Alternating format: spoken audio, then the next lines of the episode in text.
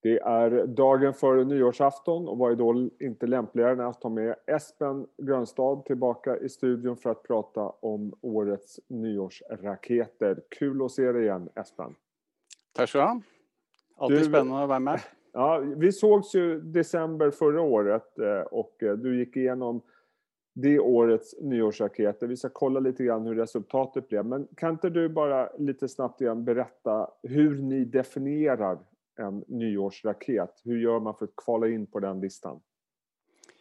Det vi rett og slett har sett eh, gjennom vår forskning, er at eh, aksjer eh, med bestemte kriterier har gjort det bedre da rundt nyttår inn mot starten av det kommende året. Og dette har vært typisk aksjer som har hatt høy risiko. Det er små bolag, middelstore bolag det er eh, de bolagene med høy volatilitet og aksjer som har falt mye. Så eh, Grunnprinsippet er at eh, vi anbefaler ofte at man skal være forsiktig med høyrisikoaksjer, men skal man først ta risiko, så er det gjerne fra midten av desember til eh, starten av januar, hvor vi ser disse aksjene da statistisk gjør det bedre. og I tillegg da til disse nyttårsraketteffektene som vi ser, så ser vi også etter insideraffærer, vi ser også etter tekniske trender, tekniske signaler, som kan støtte opp under et positivt momentum i forhold til eh, disse aksjene. Så det er grunnlaget for uh, nyttårsrakettene våre. Och, och, det är viktigt att poängtera att de här aktieråden gäller som du sa fram till början av januari. Det här är inte nyårsraketer som man ska ha över 2021 utan det här är en begränsad tid, en väldigt kort sådan. Ja, og Det er også viktig å eh, ta med at dette er aksjer med ekstrem risiko. De svinger mye. Vi forventer også at det svinger mye. Eh, vi anbefaler nødvendigvis ikke de bestemte aksjene som vi plukker ut, men vi ser at aksjer som har disse kriteriene, eh, bruker å gjøre det bra. Og således at man også bør ha en portefølje på kanskje en 8-10-12 aksjer, slik at man får bort disse store svingningene. For vi forventer jo også at noen aksjer kan falle mye, og da er det viktig å diversifisere porteføljen. Vi kan titta på några av de här kriterierna. Vi börjar titta på jämförelsen mellom store og små bolag. För små bolag är ju ett viktigt kriterium for å være med her. Du har et par grafer som viser eh, lite skillnader däremellan. Ja, Det vi ser her eh, på venstre side, er en eh, graf som viser eh, gjennomsnittet av utviklingen blant de store aksjene de siste ti årene, mens den grafen på høyre side viser da gjennomsnittlig utvikling av aksjene på small cap de siste ti årene. Den blå grafen er da gjennomsnittet. Den sorte svarte linjen eh, illustrerer da året i år fram til starten av eh, desember.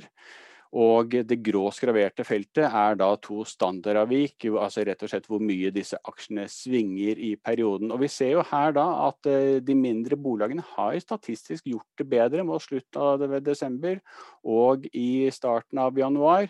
Og samlet sett så har vi da sett at eh, de små eh, bolagene har gjort det 0,8% bedre i desember, mens 1,7% bedre da i starten av januar. Så det har jo vært eh, med på å støtte opp under at disse risikoaksjene da har vært en bedre investering i denne perioden. Okay. Och eh, sen har vi då det här med insiderhandel. Du nämnde att det brukar vara extra mycket aktivitet under den här eh, perioden. Eh, ikke nødvendigvis at det er bedre, men vi bruker det for å se på det fundamentale i selskapet. Eh, insider kjenner bolaget godt. Eh, de er jo ofte låst, sånn at de kan ikke handle hele tiden. Når selskapet skal legge frem resultater, så har ikke de mulighet til å kjøpe eller selge i sine egne bolag. Så insiders er ikke nødvendigvis de som timer markedet best, men de kan gi en forsikring på at de synes bolaget er rimelig priset, og således forventer da at også bolaget vil stige videre fremover. Og også hvorfor bruker dette som et kriterium, er at vi ser av forskningen vår at uh, når insider kjøper, så gir også bolaget da en statistisk meravkastning over børs uh, den kommende perioden. Og vi ser her av grafen, det er det norske markedet på venstre side og det svenske markedet på høyre side. Og når vi har et insiderkjøp, så gir det en avkastning på 7,1 prosentpoeng annualisert mer enn børsen. Så hvis børsen stiger 10% så har i gjennomsnitt disse aksjene aksjene da steget 17,1% i forhold. Så det er med på å støtte opp under og redusere risikoen av nyttårsrakettene. Och sen det här med stigande trend, hur, man definierar det, för det ger också en meravkastning. Men, men, men vad liksom definitionen egentligen av en stigande trend? Eh, dette er jo en av våre kjernevirksomheter, mm. hvor vi da har eh, matematisk eh, regnet oss frem til når en aksje ligger i en stigende trend, eller når den ligger i en fallende trend. Og Det er da gjentagende bevegelser i en retning. Så når vi har høyere bunner, høyere topper i en aksje, så vil våre matematiske algoritmer identifisere trenden og det vi da har gjort, er at vi har forsket og analysert rett og slett hvordan våre modeller fungerer, hvordan eh, signalene blir, eller hvordan resultatene blir, når man da følger disse matematiske trendene. Og her ser vi da at eh, ved å følge, eh, kjøpe aksjer som statistisk ligger i en stigende trend, gir 12 prosentpoeng mer over børs eh, annualisert. Og det er jo en solid meravkastning, slik at eh, trender er et av våre viktigste kjernenivåer innenfor den tekniske analysen. Så dette er et eh, viktig område som støtter opp også under disse nyttårsrakettene. Skal ska vi ta en titt lite på hur det har sett ut då historiskt? Och vi börjar med den här grafen som går tilbake til 2013. De orangea staplarna er raketerna og de blå staplarna er index under samme period. Och det ser jo veldig bra ut. Vi startet jo med dette tilbake til 2011, eh, hvor vi da hadde Norge. Og i 2013 så begynte vi med Norge og Sverige. Og eh, vi ser jo her at eh, resultatene har vært gode. Det har vært et negativt år i 2016, men vi gjorde det også mye bedre da enn markedet, som falt ganske bra.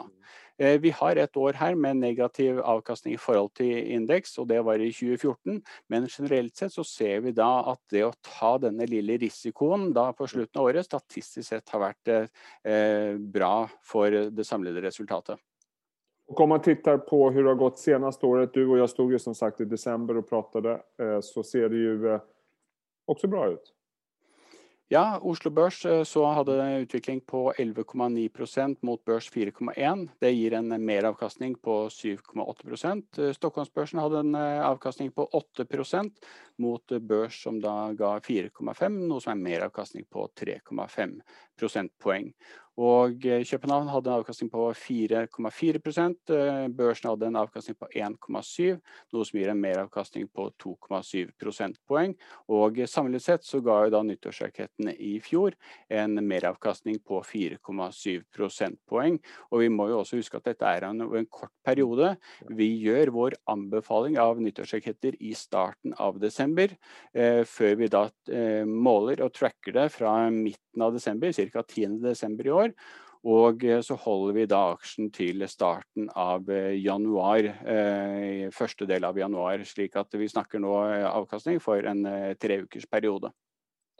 Bra. Skal vi titta på hvilke aksjer som har platset i årets nyårsraketer? Og jeg tenkte at vi begynner med dem, den norske listen. Og her kan man også se hvordan avkastningen har vært enn så lenge under denne perioden. Om du snabbt skal bare nevne hvilke bolag som er med, norske bolag?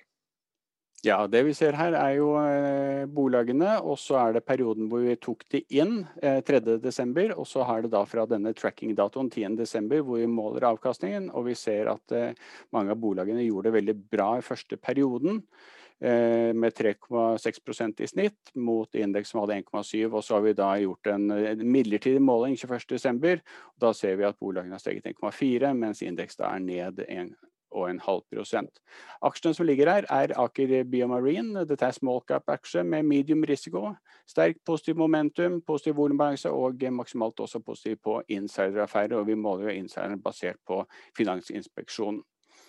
B2 Holding er høyrisiko small cap taperaksjer som er bundet ut og ligger i en stigende trend på mellomlang sikt.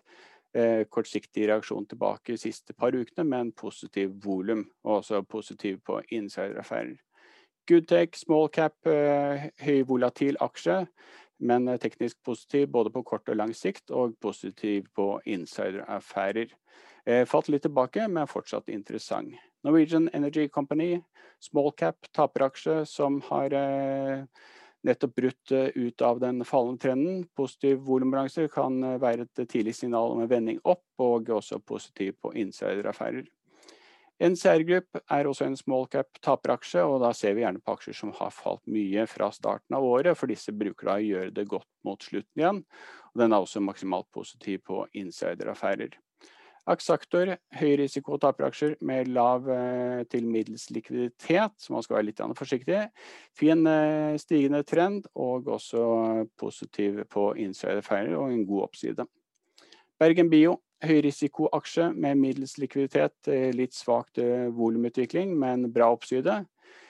Steg, men venter litt ned fra motstand ved 36 kroner. Kortsiktig støtter har vi ved 31 kroner. Endur, småselskap med ekstrem risiko. Sterkt fall i siste ukene før vi kom med anbefaling, og ligger i en fallende trend. Kan lett falle videre, men det kunne da også gi en god kjøpsmulighet, og den er altså positiv på insideraffærer. Har flatet noe ut, men positiv. Pandoro Energy, høyvolatil småbolag med sterkt momentum, positiv volumutvikling og bra oppside. Det er også positiv teknisk, og det kompenserer for at det ikke er noe insideraffærer i den. Og den ligger også positivt og er over støtten ved 14 kroner og 80 øre. Stolt-Nielsen er det siste bolaget og har middels risiko.